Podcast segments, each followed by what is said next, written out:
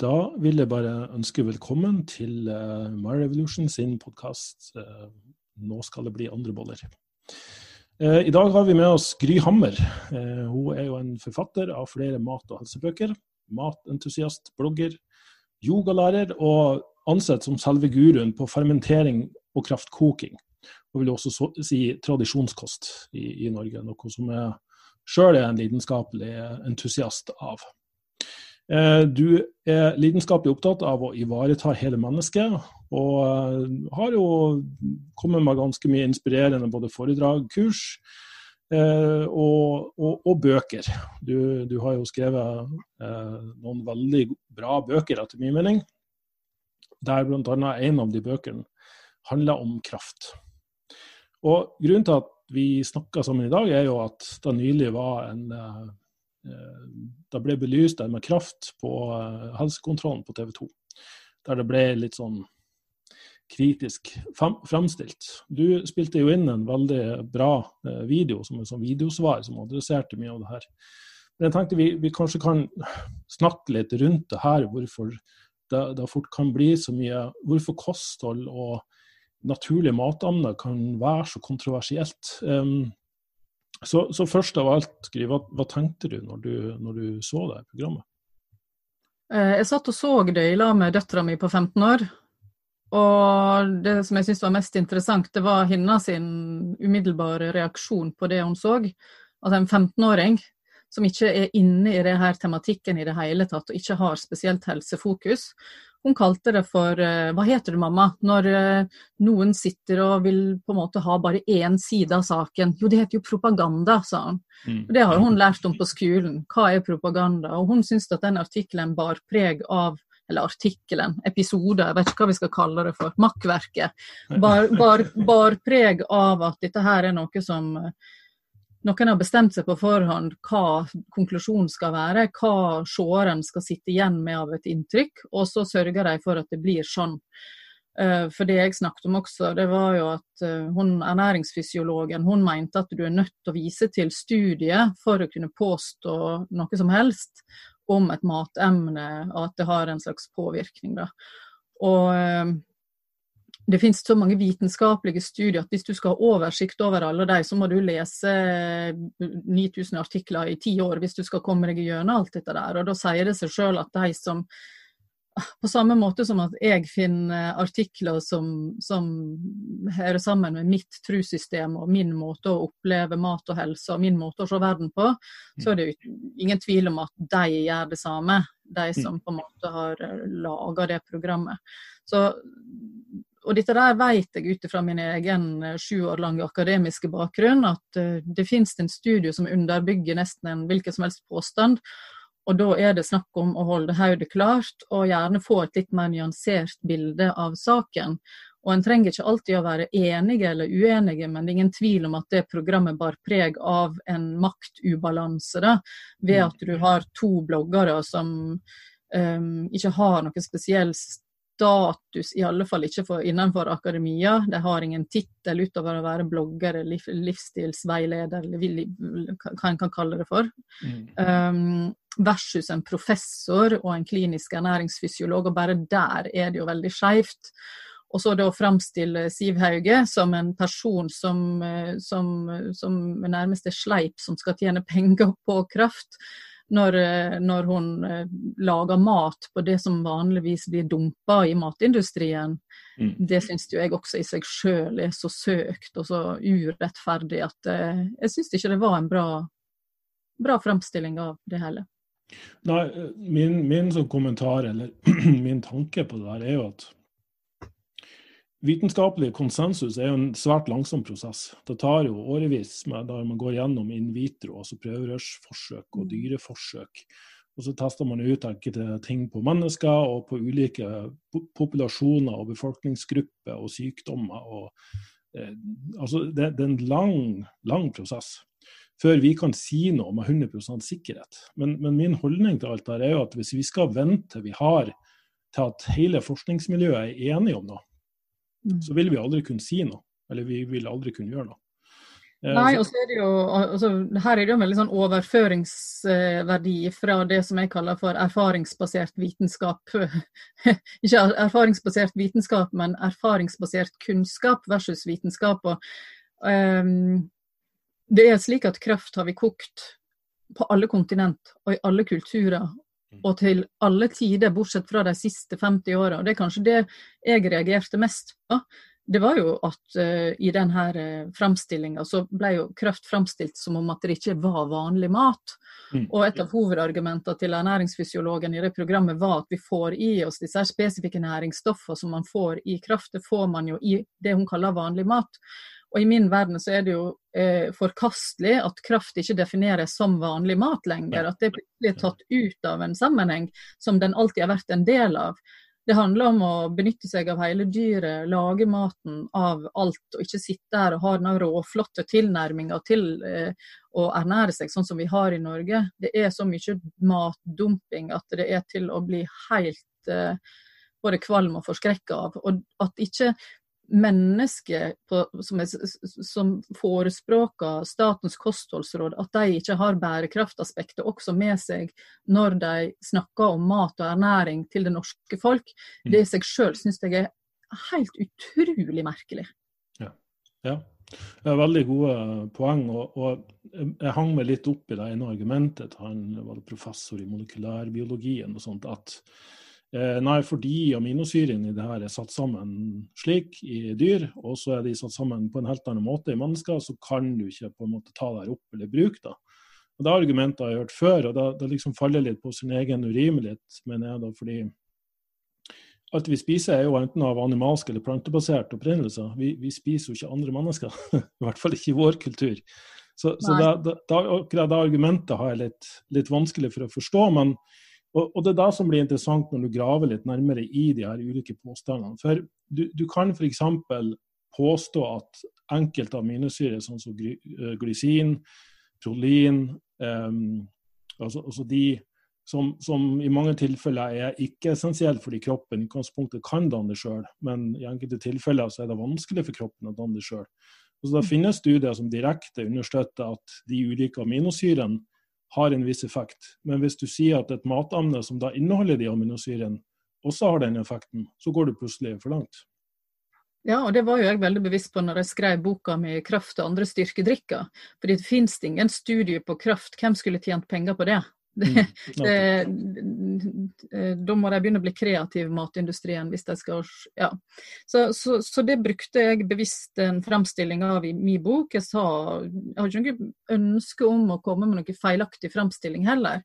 Og For meg er det viktig å snakke om det ut fra et vitenskapelig ståsted, men også i et matkulturelt perspektiv. Så når jeg da snakket om eh, disse helsevirkningene som jeg og mange opplever at kraft har, så er det trolig pga at alt kollagen, gelatin eller gelatin-kollagenrik kraft, alt etter hvordan du velger å definere dette her, at det mm. disser litt, da, en kraft som disser litt, vil være rik på det. Og all den krafta vil være relativt, og i større eller mindre grad, rik på eh, glysin, lysin og prolin. Og det er aminosyre. Det inneholder andre komponenter også, en viss mengde mineraler, alt etter hva du koker på og hvor lenge du koker. Så det er ikke noe sånn fasit her. Det vil jo alltid variere. Og disse matemnene, inn, altså kraft inneholder disse her næringsemnene. Og så finnes det da nok vitenskapelige studier på disse her enkelte aminosyrene og mineralene, nok mm. til å kunne mene og tro at det vil også ha den virkninga i kroppen som et kosttilskudd. Fordi du har jo lov å selge glysin. Glysin blir jo brukt spesifikt i behandlinga av den og den sykdommen mm. av leger og spesialister. ikke sant? Mm. Men når det da finnes naturlig et matemne, så skal det være feil å si at det kan ha den påvirkninga. Selv om vi over eh, tid og over hele verden har tilbakemeldinger fra brukere, altså erfaringsbasert kunnskap, på mm. at eh, mange får veldig god hjelp på f.eks. Eh, smertefulle ledd. Drikker de kraft, så er det noe av det første de merker at det er akkurat som det smører ledda. Men hvis jeg de sier at kraft smører ledda, så blir det latterliggjort som en dust. ikke sant? Fordi at det er ikke sånn det fungerer. Eh, hvis du plukker det ned til stykkevis og delt vitenskap, da, ikke sant? Ja. ja jeg syns det er veldig fascinerende som har vært i denne bransjen i så mange år, at det er jo veldig lite som er så betent og ømfintlig som kosthold er. Mm. Kosthold blir jo nærmest som en religion for enkelte mennesker, der folk gjerne kan definere seg ut ifra hva de spiser.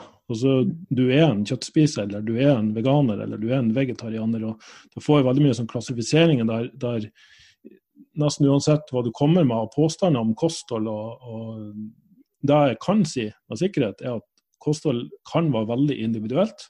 Samtidig som menneskeheten som art har så mange fellestrekk at det er i hvert fall enkelte ting vi, vi kan være relativt enige om. Men, men, for hver dag som går, så blir jeg egentlig bare eh, mer og mer frustrert og oppgitt over hvor lite det virker som om vi er enige om, da, alle sammen. Ja.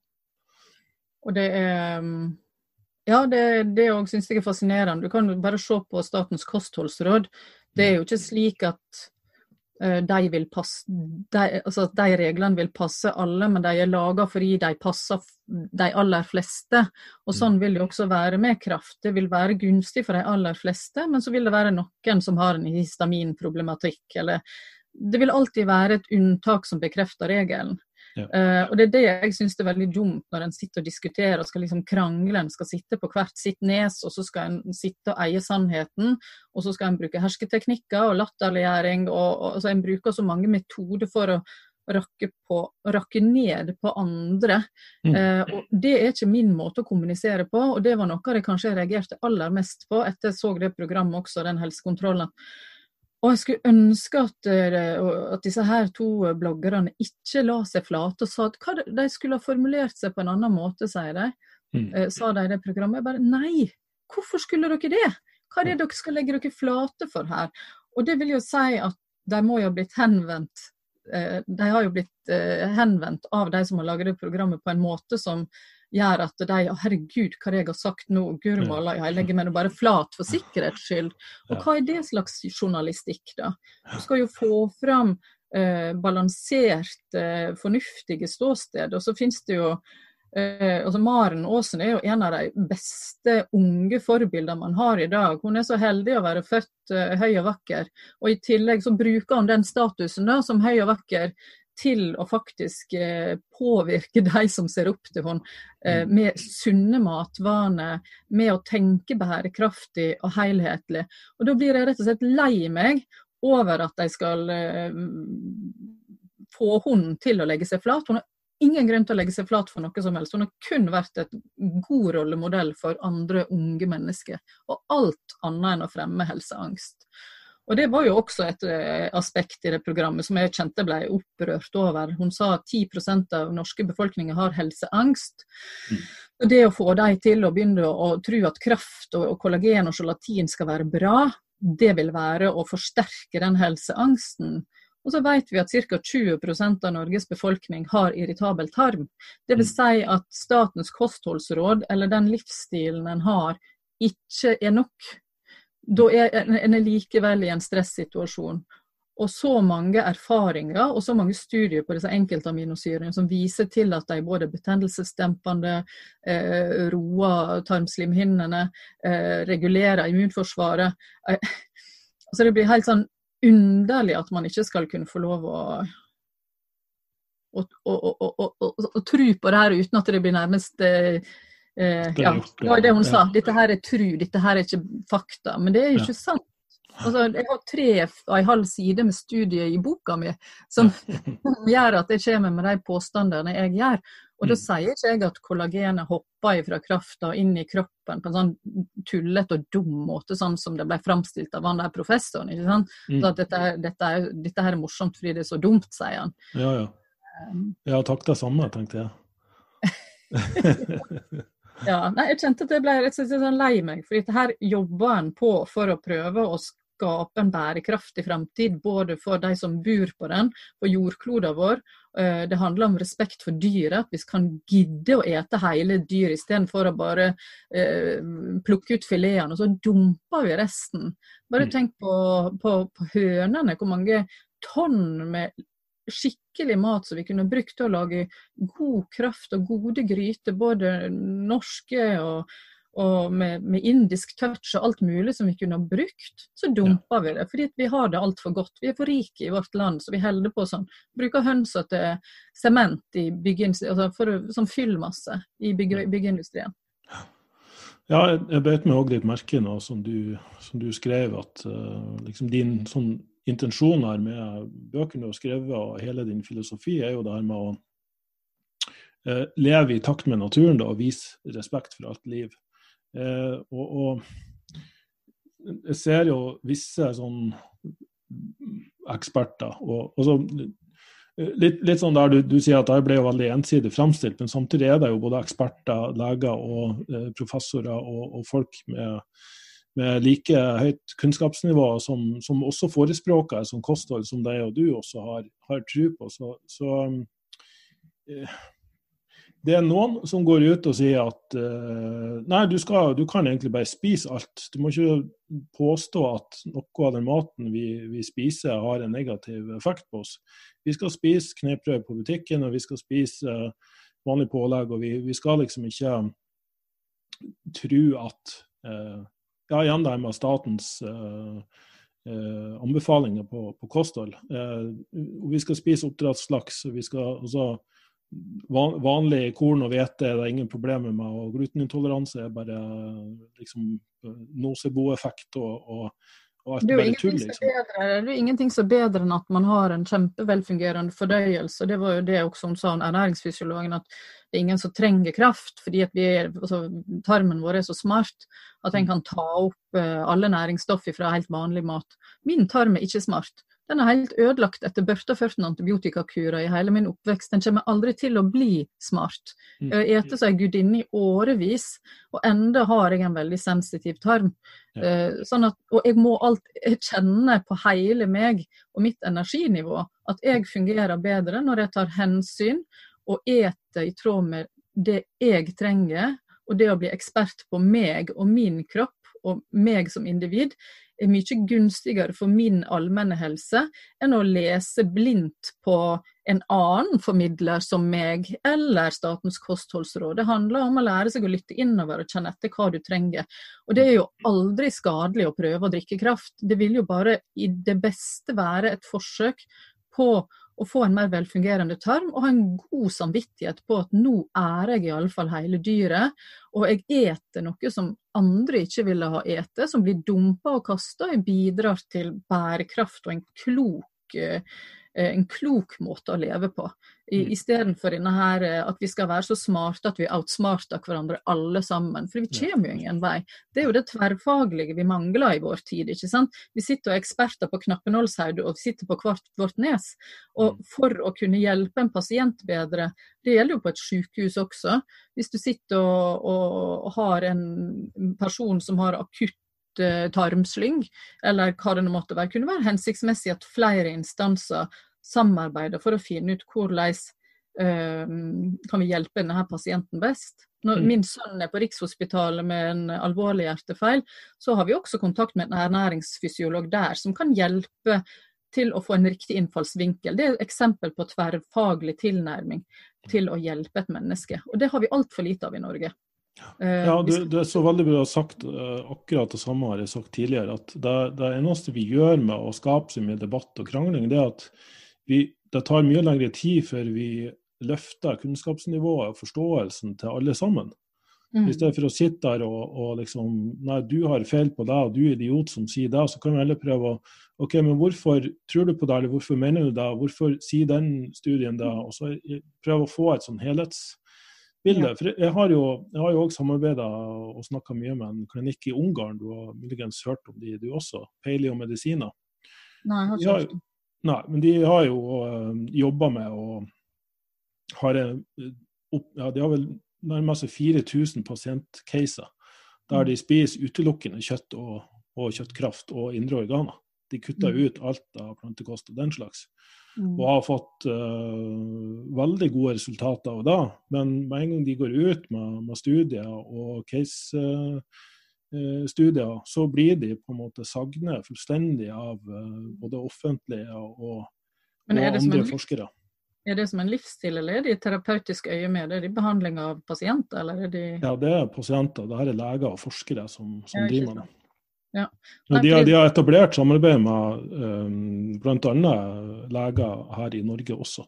De har mm. begynt med pasientevents og sånn. Men, men bare ser hvor mye motstand det her møter. og da, da ser det ut som om det også krasjer litt med den uh, trenden som vi må si er på gang nå. og det er jo eh, altså forløpt av What the Health-dokumentarer og, og, Game Changers på Netflix, der det å spise vegansk, plantebasert og gjerne da kutte ut kjøtt fullstendig, er det som har tatt av de siste par årene. Så hva, hva tenker du om det? Nei, jeg har mange tanker om det. Ehm, jeg tror at sannheten ligger i nyansene. Og jeg har jo sjøl vært vegetarianer og veganer og rawfoodist i nærmere 20, ja over 20 år av livet mitt, faktisk. Mm. Eh, med forskjellige variasjoner. Eh, og det var jo fordi jeg syns at vi har en forferdelig eh, kjøttindustri. Og den syns jeg er like forkastelig og forferdelig i dag som jeg syns når jeg var 16 år og ble vegetarianer over natta. Mm. Men det er ikke det som er problemet. Altså, problemet er jo måten vi drifter det her på. Det er jo ikke kjøtt i seg sjøl som er helseskadelig. En, en beitefòra okse er ikke helseskadelig, det er en god kilde til livsviktig næring. Men en eh, stakkars okse som har blitt eh, stått på bås og ikke sett dagslys og etter kraftfôr, eh, og blitt banka inn i et slakteri og stått der og vært livredd i et døgn, så, sånn at hele dyret er fullt i adrenalin og det blir slakta i, i stor redsel. Altså, det er jo helt forferdelig. Mm. Eh, det er groteskt hvordan vi mennesker kan tillate oss å behandle dyr, og det reagerer jeg sterkt på. Men jeg mener at det er like altså, jeg mener at kjøtt er like bærekraftig som en gulrot. Det kommer an på hvordan vi velger å produsere det, hvordan dyret får lov å ha det. Og så viser det seg jo at det er jo så mange studier som viser at at kveg og storfe og beitende dyr er med på å binde karbon til jorda og reversere klimaproblemene våre, mm. hvis vi lar dem få lov å leve sine naturlige liv, sånn som vi har gjort helt til de siste 50 årene, når vi har funnet ut at det er mest kostnadseffektivt å stue dem inn i mørke rom og gi dem dritt. Eh, sånn at det blir det vi får å spise også, så blir vi syke av det. Så det henger jo sammen. Vi blir jo ikke friske av å ete den type mat. Så det er jo ikke rart at uh, kjøtteting i dag blir relatert til hjerte-karlidelser og kreft og, og, det meste av problemet. Og også nå ser vi virus, ikke sant.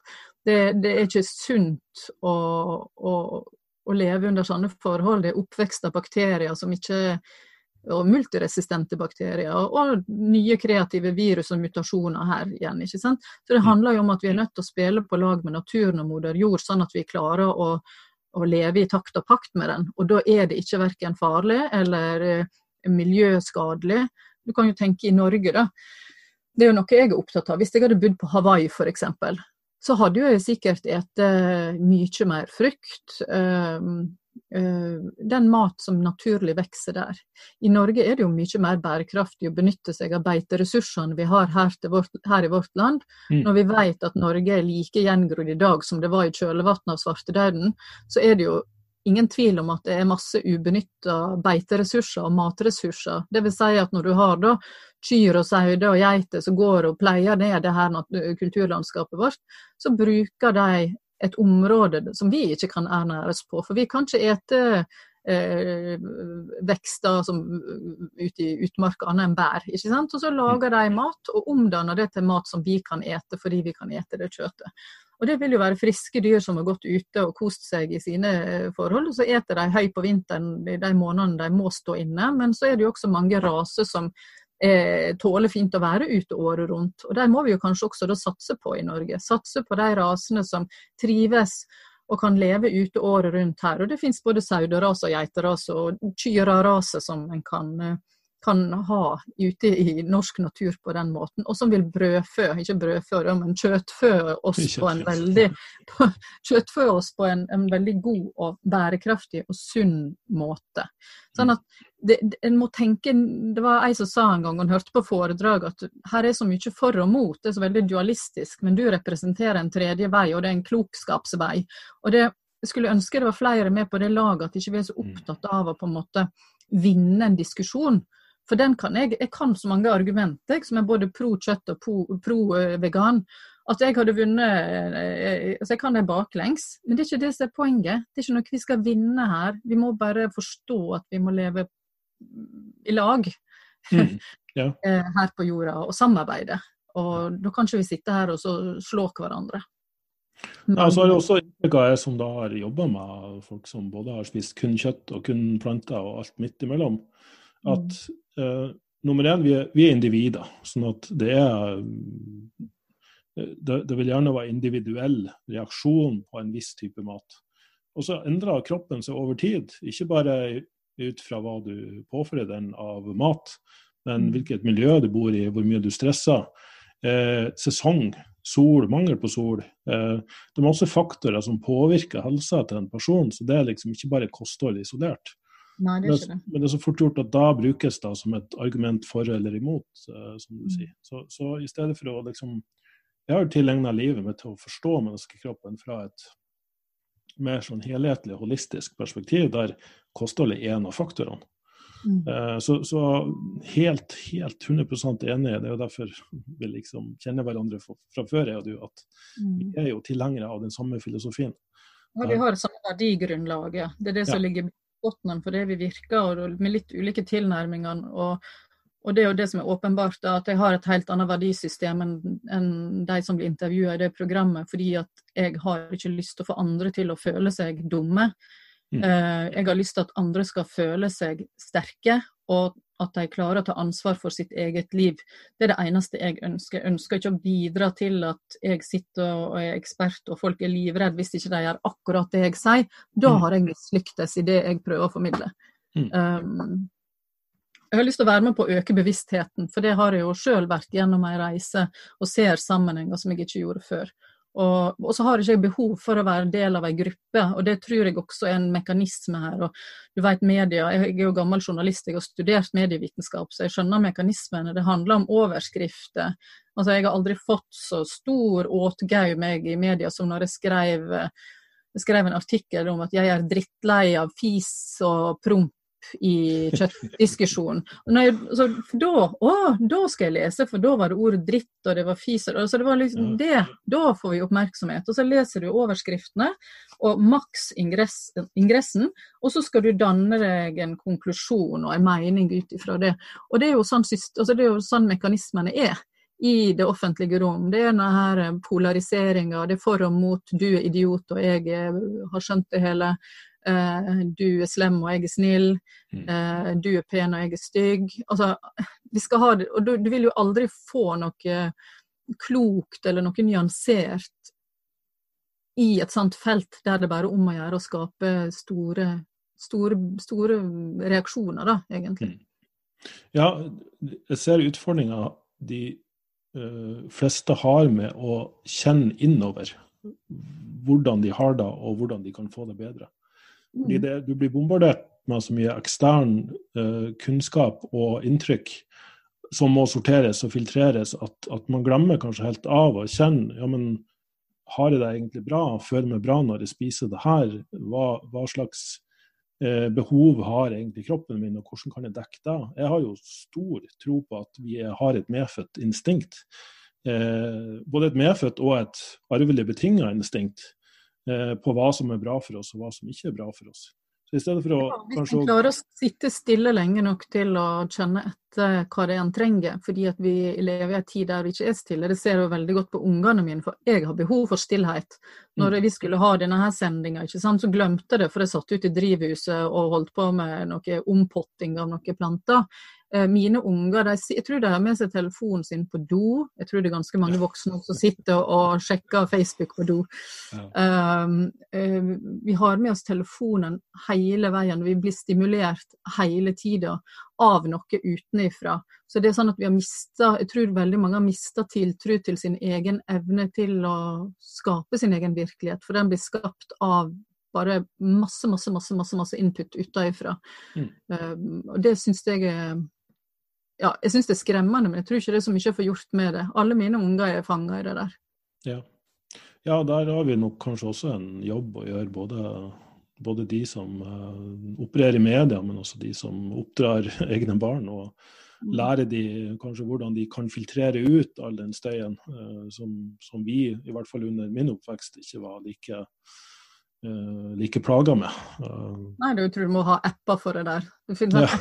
der det står 'pust', én, to, tre, pust ut, én, to og så Plutselig ja. så popper det opp sånne apper. Å ja, så får jeg sette på den, da. Men vi blir jo sånn maskiner, ikke sant, til slutt. Og det, Eh, ellers er det nok der igjen jeg ikke forstår meg på, fordi jeg er forelda, eh, 45 år. Så det er sikkert et kvart der som jeg ikke helt forstår meg på. Jeg syns jeg har fine barn, og de har klare, klare, perspektiv også, så det er mulig det er noe der som jeg er redd for, som jeg kanskje ikke trenger å være redd for. Ja, ja. Ja, det er jo litt Jeg har jo en, en veld, veldig sunn og frisk toåring, heldigvis, eh, som, som spiser kjøtt og en drikker melk. og det, det, slår meg ofte at han vokser jo opp i en verden der han egentlig blir bombardert med å få høre at eh, absolutt alt du spiser er jo farlig eller skummelt. Det er jo en eller annen studie som sier at melk er farlig og skadelig, mm. og det er mange eksperter som går ut i media og sier da du, må, du skal ikke ha melk. Og, og det samme med kjøtt. og og så på motsatt side igjen, da. Jeg har jo vært inne i det her såkalte carnivore-miljøet også. Mm. Og der argumenteres det jo hardt for alt fra fytater og oksalater og alle mulige plantestoffer. Da, og Men er det, fokus, på, er det fokus på produksjonsformen der, da? For det må jo være ekstremt viktig, tenker jeg. Hvis du skal gå bare ikke leve på animalsk mat, så er det jo ekstremt viktig at det er dyr, dyrevelferd i bunnen. At, at, det er friske dyr man skal ernære seg på. det. Ja, det er jo eh, i hvert fall mer fokus på det der, opplever enn en kanskje i andre miljøer så, så, er det mye snakk om det med bærekraftighet. Eh, nettopp fordi det her blir så mye angrepet. Da. At uh, miljøvern, bærekraftighet, dyreproduksjon, uh, dyr, altså behandling av dyr uh, Det ofte brukes som et argument for å spise mindre kjøtt. Men jeg er jo mm. enig med det at vi burde jo heller se på men hvordan kan vi løse det problemet. Hvordan kan vi sikre at bønder liksom opererer fra et bærekraftig verdisystem i, i stedet for eh, profitt. Ja, den, Det kommer til å tvinge seg fram uansett. fordi at du, altså vi, har, vi, har, en hel pandemi. Hele, sitter, altså menneskeheten sitter i fengsel nå mens dyra ser inn på oss og ler av oss mens vi har gått i dyrehager før og så, så tatt og peker på dem. Og det, altså, hele livssituasjonen vår er et resultat av at vi tror vi er de store herrene og kan behandle våre unders, undersåtter akkurat sånn som vi vil. Og vi blir jo straffa vi blir jo straffa ved at det, naturen finner på nye krumspring som gjør at plutselig sitter vi der med skjegg i postkassa og utraderer vår egen eh, art. Tenk at vi liksom gått ifra å være 1,8 milliarder til eh, Hvor mange milliarder er vi nå på jordkloden? På 200 år? Ja. Så er det, 28 milliarder, jeg tror jeg. Ja, 28 milliarder. Kan, altså, det er jo klart at jordkloden har jo sjokk over hvordan vi, vi, vi er jo virus. Det er jo ja, ja, nettopp. Nei, så, det, så Poenget mitt var egentlig bare at vi kan gjerne sitte og diskutere nå hva som er mest bærekraftig, men dette kommer jo til å tvinge seg fram um, over tid, enten vi vil eller ei. Enten vi er for eller imot dyrevelferd, så må vi behandle dyret på en annen måte enn det vi gjør i dag, fordi vi blir jo syke av det. Ja. ja, ikke sant. Hva, hva, tenker du en liten sånn takeaway til um, En liten sånn essens Hvordan kan vi få folk til å vurdere, evaluere eh, anbefalinger om mat på en, på en, bedre måte. Det blir kanskje et veldig sånn diffust spørsmål, men ja. Ja, men Jeg får svare diffust også. Jeg tror vi må hele menneskeheten, både ekspertene og lekmannen, må komme seg uh, ut av hodet, inn i hjertet og inn i kroppen og kjenne etter med magen og hjertet hva som er det riktige. Fordi at vi, vi, vi, kan ikke bare lene oss på studiet. Vi blir veldig fattige hvis vi skal lene oss på eksperter som, som har påstander og perspektiv på livet ut ifra en spesifikk studie. Eh, jeg kjenner mange gode vitenskapsmenn og -kvinner, og alle som driver med seriøs forskning vet at det å forske handler om å låse et bilde og mm. analysere et bilde, et still, det er et stillbilde som du skal analysere fra så mange innfallsvinkler at du kan si en påstand knytta til det stillbildet. Mm. Men alt er jo bevegelse, det er ingenting som er konstant. Så det er jo ekstremt viktig at Og min sannhet er ikke din sannhet. Og det som, altså Jorda var flat, nå er den rund. ikke sant? Altså, eh, verdensbildet våre, livssynene våre har alltid endra seg. Eh, perspektiv som var veldig logisk eh, for 100 år siden, virker helt latterlig i dag. ikke sant? Det er ikke, mm. det er ikke mange tiåra siden vi stolte blindt på tobakksindustriens forskningsresultater. og og vi satt i baksetet med foreldre, det var jo helt mørklagt av uh, skodde bak i bilen når jeg kjørte bil med mine foreldre, ikke sant. For de satt og røykte bilen. Og de er jo faktisk to veldig intelligente mennesker. Men det var noe med at det var ikke farlig, da, viste studiene. Og dette mm. har vi trodd på. Så det handler om at vi kan ikke bare sitte og tro blindt på en eller annen ekspert bare fordi en har en tittel. Uh, altså jeg, jeg, kan sitte og si jeg har, ja, en lege har sju års utdannelse. Det har jeg òg. Jeg har sju års høyere akademisk utdannelse. Når jeg var ferdig med den utdannelsen, så var jeg så akademisk arrogant at jeg var ufordragelig. Ja. Fordi at jeg trodde at jeg eide sannheten. Fordi at jeg, alt, var, alt jeg sa var forskningsbasert, og studiet sa forskning viser at. Og da skal man liksom være så svær, da. Mm. Eh, men det mangler en dimensjon, og det er å leve et hjertestyrt liv og kjenne at dette her er riktig, ikke bare for meg og for akademia, men for noe som er større. Det handler om å ja, leve gode liv i ro og fred, og uten, uten den frykten. Det er et veldig fryktstyrt uh, samfunn. Ja. Ja. Det der var også bra sagt at uh, Bra, da. At jeg kan sitte og si ting til deg, og så syns du det er bra sagt. ja, nesten tom for ord. Det er liksom bedre enn jeg kunne formulert det sjøl. Det er sånn Jeg har også vært der at jeg trodde jeg satt på sannheten til alt, men eh, det eneste jeg kan si, er at jo mer jeg lærer, jo mer har jeg igjen å lære. Jeg bare innser for hver dag som går, hvor hvor, hvor, hvor, mye vi fremdeles ikke vet. Så, så det med å være forsiktig med å være for bastant. det, det er kanskje den beste oppfordringa jeg kan gi til, til de fleste, da. Mm, lære seg å bli litt ydmyk, for det har ikke vi lært oss i sam samfunnet vårt. har ikke rom for ydmykhet. Og det, jeg har fått iallfall mye mer ut av livet mitt med å, med å lære meg å være ydmyk. For det, det, var noe jeg ikke kunne etter å være høyere utdannet. Mm. Mm. Så Gry, jeg vil jo si tusen takk for at du eh, deltok. Hvor kan vi finne ut mer om det og det du har å si? Jeg har en hjemmeside som heter gryhammer.no. Og den tror jeg er såpass intuitiv at du ser hva som er mine største lidenskaper, og de bøkene jeg har skrevet, og den nyeste boka mi, og blogg har jeg med gratis ressurser. og en YouTube-kanal, faktisk. Den er litt brakk, men den skal jeg blåse liv i. Instagram finner du meg. Gryhammer heter jeg der også. Og på Facebook heter jeg Gryhammer. Jeg heter Gryhammer overalt. Gryhammer overalt. Ja, men det er bra.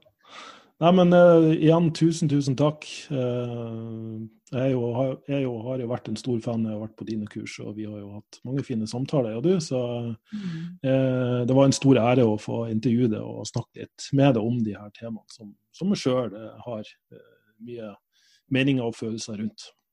Ja, Det er bra. Det er bra at du finnes, Børge. Fortsett. Ja, takk for det, du. Da får du ha en fortsatt fin dag videre i denne eh, koronatiden, og, og lykke til med, med dine videre prosjekter. Takk skal du ha, i likeså.